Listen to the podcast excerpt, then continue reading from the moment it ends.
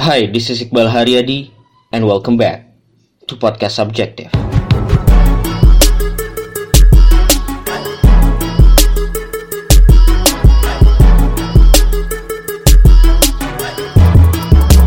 Oke, 17 Agustus 2018 seperti yang gua post kemarin 16 Agustus 2018 adalah tepat 3 tahun podcast subjektif berjalan.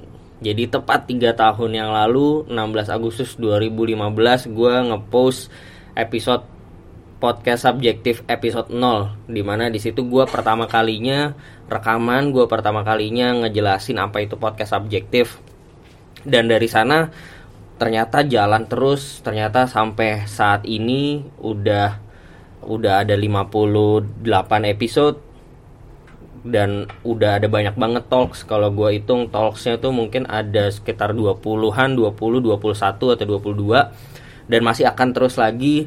Terus yang di episode yang gue ngomong sendiri pun udah lebih dari 20 juga. Gue sangat-sangat bersyukur gue bisa jalan sampai tiga tahun ini. Gue sangat berterima kasih juga buat lo semua yang selama tiga tahun ini mungkin ada yang dengerin dari awal banget. Ada juga yang mungkin baru dengerin di akhir-akhir ini mungkin ketemu di episode berapa gue nggak tahu tapi yang paling penting adalah gue sangat-sangat berterima kasih buat lo semua yang udah dengerin podcast gue karena ya ya this is so cheesy tapi ya buat apa gue bikin podcast kalau nggak ada yang dengerin gitu. Jadi dengan adanya lo dan dengerin gue dan lo kasih feedback ke gue lo apresiasi itu sangat-sangat berarti buat gue nah episode kali ini gue pengen apa ya gue gue pengen kayak sedikit flashback sedikit bahasa pesantrennya tuh muhasabah anjay. Muhasabah tuh apa ya? Uh, muhasabah itu introspeksi bukan uh, ya intinya itulah. Intinya gue ngelihat ke belakang selama tiga tahun ke belakang apa hal-hal yang gue pelajari dari podcast subjektif. Karena terus terang podcast subjektif ini kan awalnya seperti yang lu bisa dengerin di di episode 0 ya. Di situ sebenarnya gue jelasin ini ada ada ada jadi ada dua hal. Satu satu memang gue punya keresahan gitu. Gue punya banyak keresahan yang ada di otak gue yang gue rasa gue harus punya channel untuk gue bisa me menyuarakan itu atau kayak uh, ini terlalu banyak nih pikiran yang ada di dalam otak gue sehingga gue harus membaginya supaya nggak meledak sendiri di otak gue itu yang pertama. Nah, tapi yang kedua juga uh, gue merasa memang ada niatan untuk apa ya membawa perubahan gitu. Setidaknya buat diri gue sendiri gitu. Setidaknya buat gue untuk gue berani beropini dan berani jujur dia jadi diri sendiri. Karena dengan adanya sosmed, dengan adanya debat di Twitter, di Instagram, di Facebook dan lain-lain, gue merasa kayak orang untuk beropini, orang untuk jadi dirinya sendiri itu makin tenggelam gitu, makin makin susah. Sehingga gue rasa harus ada cara untuk buat gue sendiri bisa melakukan hal itu. Salah satunya akhirnya dengan bikin podcast subjektif ini. Tapi dari sana ternyata ya ini jalan terus berkembang berkembang bertumbuh seiring dengan guanya sendiri sebagai personal juga bertumbuh sebagai seorang pekarya juga bertumbuh dengan teman-teman orang-orang yang dengerin podcast ini juga bertumbuh ada banyak hal nih yang gue pelajarin tapi kalau bisa gue share di episode ini secara singkat mungkin ada tiga hal sih ada tiga hal besar yang gue pelajarin dari tiga tahun jalanin podcast subjektif. Nah, yang pertama, gue belajar bahwa perubahan itu bisa berawal dari obrolan. Nah, kalau lu dengerin episode 0 dan gue juga dengerin episode 0 gue lagi, which is aneh banget sih sebenarnya. Uh, uh, ini agak out of topic bentar, tapi kayak kalau ada yang kalau ada yang komentar di SoundCloud gitu, gue sangat sangat happy ya. Tapi gue tuh suka bingung sendiri karena kalau lu komentar di menit keberapa gitu terus lu bilang wah gue ngakak banget bang di sini kayak gue nggak tahu sebenarnya di menit itu gue ngomong apa dan rasanya tuh aneh banget kalau gue harus play dan gue mainin suara gue sendiri dengerin suara gue sendiri selama beberapa menit di situ. Tapi itu yang gue lakukan uh, dua hari atau tiga hari ke belakang gue dengerin lagi episode 0 gue dan di situ uh, gue mendengar diri gue di masa lalu asik. Uh, cerita lagi tentang misi awalnya si podcast subjektif gitu which is misi awalnya adalah membangun conversation membangun percakapan terutama buat anak-anak muda.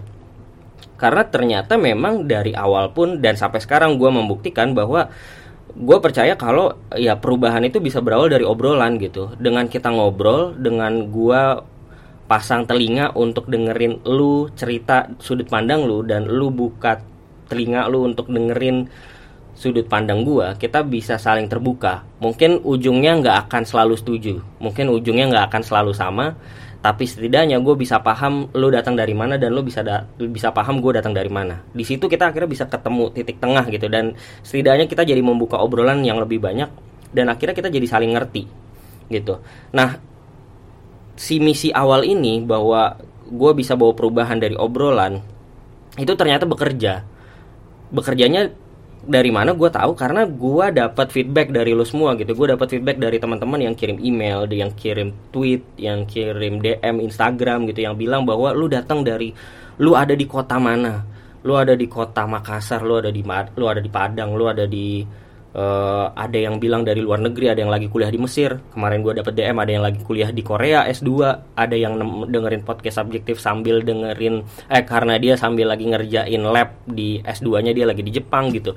Dan somehow itu membuka obrolan membuka obrolan. Orang-orang mulai terbuka untuk kasih kasih opini mereka juga tentang isu-isu yang gue bawa gitu. Atau ada teman-teman juga yang akhirnya uh, cerita tentang keresahan personalnya lewat email dan kita kontak-kontakan via email. Gue gue apa yang bisa gue bantu gue kasih apa yang dia minta pendapat gue mungkin bisa share juga dan dan sebaliknya gitu. Gue juga banyak belajar dari teman-teman yang email atau yang yang ngontak ke gue tapi intinya adalah ternyata si obrolan ini bekerja gitu.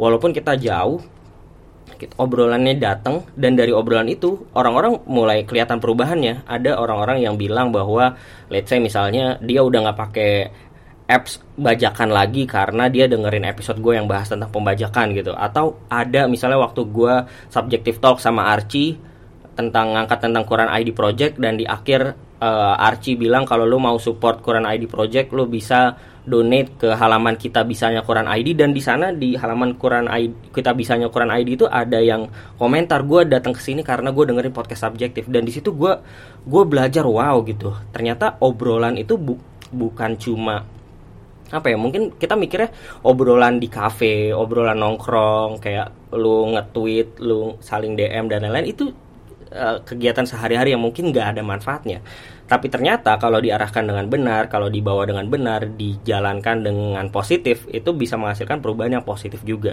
Itu yang gue pelajari yang pertama. Yang kedua, internet itu ternyata menghilangkan batasan. This is sounds so biasa juga, maksudnya kayak semua orang tahu lah internet itu menghilangkan batasan. Tapi yang gue pengen bilang adalah gue tuh awalnya nggak nggak nggak nggak nyangka gitu. Gue nggak nyangka ada yang dengerin dari lombok gitu. Pas kemarin gue datang ke lombok karena ada undangan untuk berbicara di sana dan gue bikin kopdar dan ternyata yang datang banyak gue amazed gitu. Dalam artian ya gue sebagai orang yang tinggal di kota besar ini bukan ada sombong ya tapi kayak sebagai orang yang tinggal di kota besar gue kan tidak tahu banyak ya tentang tentang kondisi di daerah itu seperti apa unless gue akhirnya dapat kesempatan untuk datang ke kota-kota tersebut gitu. Dan uh, eh, gue pikir kayaknya less likely banget gitu. Ada orang-orang yang dengerin gue dari kota-kota yang bukan kota besar gitu. Tapi ternyata ada aja gitu. Gue nggak tahu udah berapa kali gue cerita ini tapi gue paling amazed adalah waktu itu ada yang de chat gue di line. Dia bilang bang gue dari sini. Terus dia screenshot Pulau Sulawesi di ujungnya ada kaki Sulawesi terus dia lingkarin merah di situ. Dia kasih tunjuk bang gue tinggal di pulau ini gitu. Dan gue kayak wow jauh banget gitu. Gue nggak pernah expect podcast gue akan ada yang dengerin dari pulau itu. Gue gue lupa juga nama pulaunya apa. Tapi you know uh, maksudnya dia pun mengakui bahwa kayak pulau gue nih gue gue cukup yakin lo nggak akan tahu pulau tempat gue tinggal gitu. Makanya gue screenshot pulau Sulawesi dan gue lingkarin merah di situ untuk supaya lo langsung dapat gambaran gue tuh di sini gitu. Dan itu benar-benar yang bikin gue merasa bahwa ternyata ya omongan-omongan bahwa internet itu menghilangkan batasan itu benar adanya. Dan gak hanya di situ dari sana gue juga mulai berpikir dan mulai dapat feedback dan mulai mengevaluasi. Memang salah satu masalah terbesar Indonesia terutama di bidang pendidikan itu akses. Aksesnya tuh nggak merata antara kota sama daerah. Gue juga nggak suka dengan dikotomi ini tapi that's what happened. It's not itu bukan bu, uh, bahasa ini tuh bukan untuk mendiskriminasi yang tidak kota itu adalah daerah gitu ya. Tapi ya memang uh, tidak merata gitu. Yang di kota tuh aksesnya gampang. Aksesnya gampang banget. Aksesnya banyak ini kalau kita ngomongin pendidikan ya gue gampangnya gini gue mau ketemu sama semua orang yang gue ajak. Subjective talk which is all of them adalah orang-orang yang gue respect orang-orang yang gue anggap berprestasi di bidangnya orang-orang yang gue anggap bisa jadi uh, ob, apa ada sesuatu yang bisa ditarik lah dari orang-orang ini. Itu semuanya hampir semuanya gue ketemunya di Jakarta. Hampir semuanya hampir semuanya di Jakarta. Kalau nggak di Jakarta di Bandung. Kalau nggak di Bandung di Jogja selain di Jogja paling ada satu yang waktu gue ke Madinah. Sisanya ya sisanya semua di Jakarta gitu. Dan uh, poin gue adalah teman-teman yang nggak tinggal di Jakarta atau di kota-kota besar lainnya memang faktanya tidak memiliki akses yang sama untuk bisa ketemu sama orang-orang seperti ini gitu. Atau even jangan ngomongin ketemu lah ngomongin akses internet aja mungkin nggak sama gitu. Akses internet di di apa namanya di kota-kota besar ya pasti lebih kenceng lebih banyak lebih murah mungkin. Tapi teman-teman yang di daerah mungkin nggak seberuntung itu. Tapi poin gue adalah dengan adanya di uh, dengan adanya ketimpangan ini ternyata dengan adanya internet gue ngobrol dengan Adriano Kalbi di Jakarta itu bisa didengerin juga sama teman-teman yang ada di Batam, sama teman-teman yang ada di Padang, sama teman-teman yang ada di Aceh walaupun gak harus ketemu langsung secara fisik tapi dengan gue bikin podcast subjektif dengan gue bikin ngobrol sama orang-orang inspiratif ini gue ternyata orang-orang ini bisa dapat pengalaman mereka seakan nongkrong bareng sama gue dan narasumber gitu. Atau seakan-akan mereka nongkrong bareng langsung lu, lu semua pada nongkrong bareng sama gue dan gue merasa itu membuka opportunity yang gede banget untuk akses pendidikan yang lebih besar somehow gue merasa podcast subjektif ini juga akhirnya oh ternyata podcast gue bisa jadi salah satu cara gue untuk berkontribusi ke pendidikan di Indonesia. Karena menurut gue pendidikan tuh bukan cuma masalah gelar, maksudnya bukan cuma masalah sekolah formal SD, SMP, SMA, kuliah. Tapi lebih dari itu ya gimana lu bisa mengakses informasi? Gimana lu bisa mengakses sharing mentor? Bisa gimana lu bisa punya mentor dari orang-orang yang sudah berpengalaman di bidang itu sebelumnya sehingga lu nggak perlu melakukan kesalahan yang sama? Nah itu yang ternyata gue temukan jadi manfaat dari podcast gue gue dapat banyak banget feedback yang bilang terutama teman-teman yang dari luar kota besar bilang bahwa wah I wish gue punya teman kayak lu di sini supaya gue bisa ngobrol kayak gitu. I wish gue bisa ketemu sama let's say uh, salah satu uh, apa namanya salah satu narasumber gue Alia gitu. I wish gue bisa ketemu Alia bang, soalnya gue pengen banget belajar gimana cara bikin project sosial kayak Alia. I wish gue bisa ketemu sama Ilman Akbar gitu yang gue baru kemarin uh, apa interview digital marketing manajernya Traveloka gitu dan keterbatasan geografi akhirnya bisa ketutup dengan ya lu bisa seakan-akan ngobrol sama kita gitu di di podcast ini. Mungkin sama seperti ruang guru lah gitu ruang guru atau uh, apa namanya startup edukasi lainnya yang akhirnya dengan internet price-nya dibikin serendah-rendahnya yang tadinya bimbel itu bisa mahal sekarang jadi sangat murah yang kedua aksesnya jadi luas banget. Asal lu punya akses internet lu bisa punya akses ke informasi yang besar. Nah gue rasa podcast ini jadi ke sana arahnya. Dan gue sangat-sangat happy karena internet gue buktikan dan gue jadi punya misi bahwa memang internet menghilangkan batasan sehingga pendidikan itu bisa tersebar merata di mana pun as long as lu punya akses internet. Itu poin kedua gue Nah poin ketiga yang gue pelajari dari jalanin 3 tahun podcast subjektif adalah inspirasi dan ide itu menular.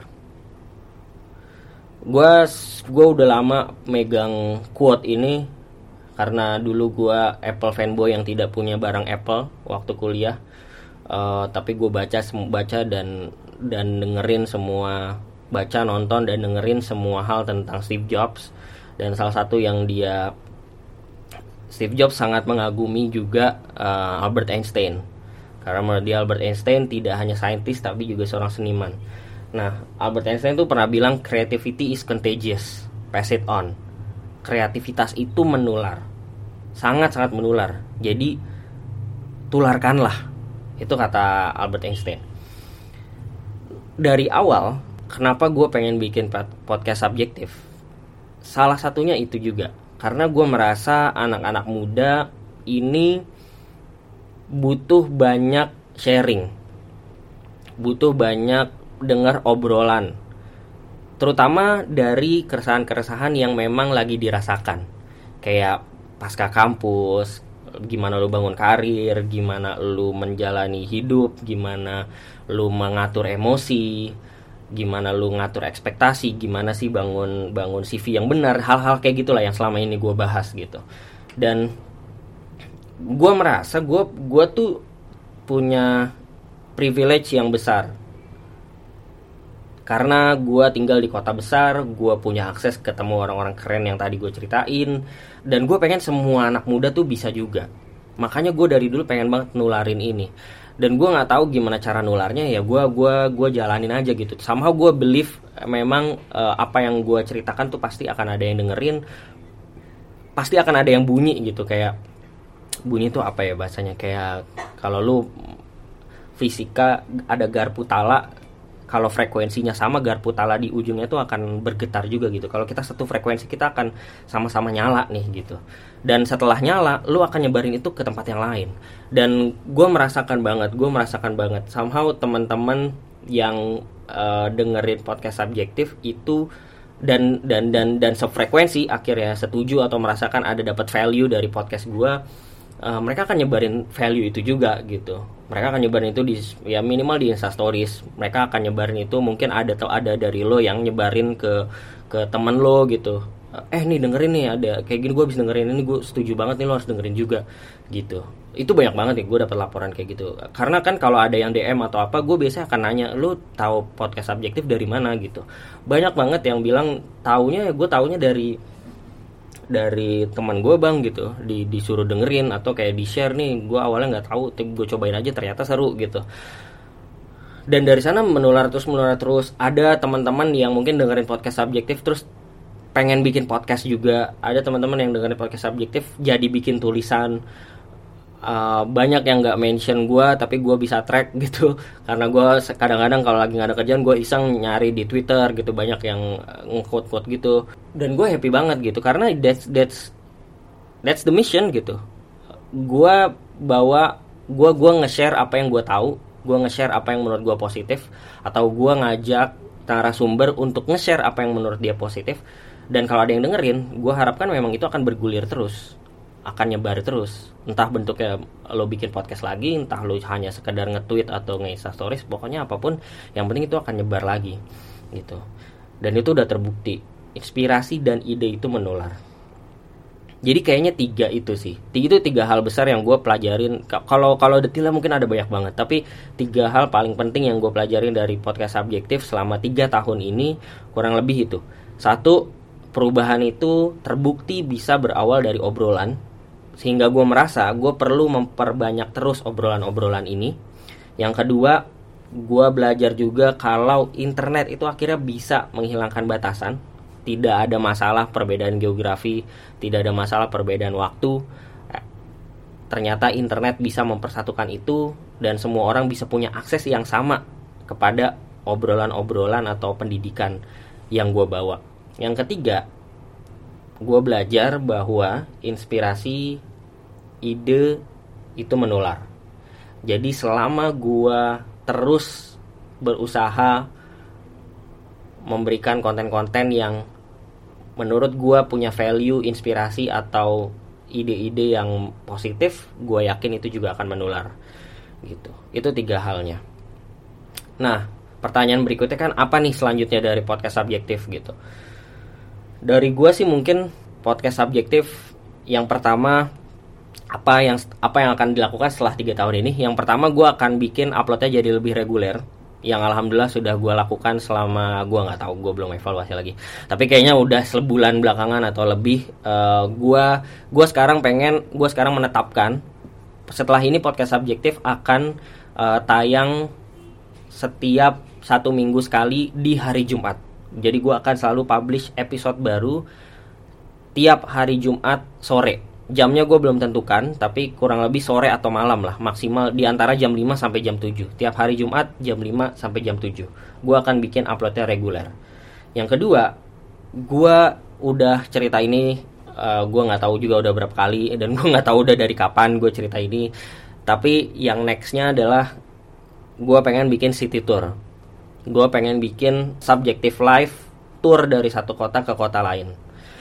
Yang selama ini jadi kendala atau jadi hal yang belum gue gua serius perjuangkan adalah sponsor. Bagaimanapun gue pengen gue pengen banget ketemu ke kota-kota bikin subjective life di masing-masing di banyak kota gitu. Tapi gue butuh transportasi gue butuh akomodasi gue butuh logistik untuk sana. Dan gue gua berniat untuk cari sponsor nah terus terang gue belum tahu gimana caranya nyari sponsor gue masih belajar juga. Gue mungkin perlu nanya-nanya ke mentor kayak gimana. Gue juga nggak terkenal itu. Followers gue cuma 4 ribuan.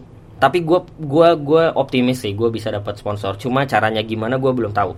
Tapi gue itu gue gue lagi berusaha cari tahu itu. Kalau lu mungkin ada tak tahu caranya atau kayak lu mungkin mau ngajak kerja sama lu boleh uh, eh, dm gue atau email gue tapi gue pengen banget bikin city tour.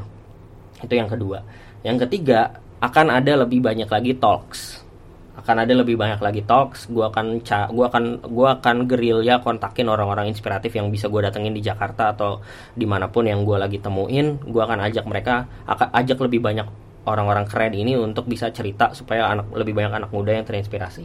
Yang terakhir gue pengen setelah ini materi podcast gue tuh banyak lebih praktikal apa maksudnya praktikal? Maksudnya adalah hal-hal yang bisa langsung diaplikasikan. Jadi bukan cuma inspirasi gitu. Karena menurut gue kalau nyari inspirasi doang udah banyak lah gitu. Dan dan gue rasa anak muda sekarang tuh nggak terlalu butuh yang namanya inspirasi.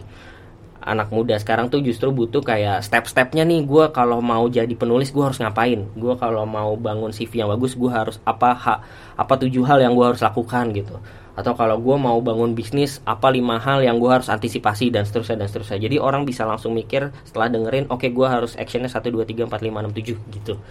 Itu empat hal sih yang akan gue lakukan setelah ini. Jadi kurang lebih itu yang gue mau sampaikan di episode ini. Sekali lagi ya thank you banget. Thank you again gue sangat-sangat happy sudah bisa berjalan selama tiga tahun dan gue sangat-sangat berharap ini akan berjalan terus. Gue akan keep going gue akan keep growing juga terima kasih teman-teman untuk supportnya untuk semua storiesnya yang kadang-kadang udah 24 jam tapi gue belum buka terus udah hilang terus gue bingung mau balas apa ke orang ini gue selalu balas ya udah thank you gitu. Itu itu mungkin sangat simpel kedengarannya tapi itu benar-benar bikin gue merasa bahwa yang gue lakukan ada value nya itu jadi bensin gue untuk terus melakukan ini. Jadi keep doing that uh, gue sangat happy relationship kita antara gue dan lo sebagai pendengar itu relationship pertemanan relationship yang gue ngasih value dan lo uh, kalau lo merasa memang lo dapat value lo berterima kasih membayar dengan cara yang mungkin tidak harus uang tapi dengan apresiasi dengan uh, sincere appreciation itu sangat-sangat berharga buat gue so I I think that's it. Gue juga lagi mempersiapkan gue mau bikin ada giveaway untuk merayakan tiga tahun ini tapi gue lagi cari hadiahnya dulu siapa tahu dari lo juga ada yang mau bagi-bagi hadiah lo punya produk apa nanti bisa jadi bagian dari giveaway gue in return gue promoin itu juga bisa. Ya yeah, that's it that's it. Nanti gue akan kabar lagi kalau ada subjektif uh, giveaway. Ya yeah, gue nggak punya kata-kata lagi. Ya yeah, thank you guys. Please be subjective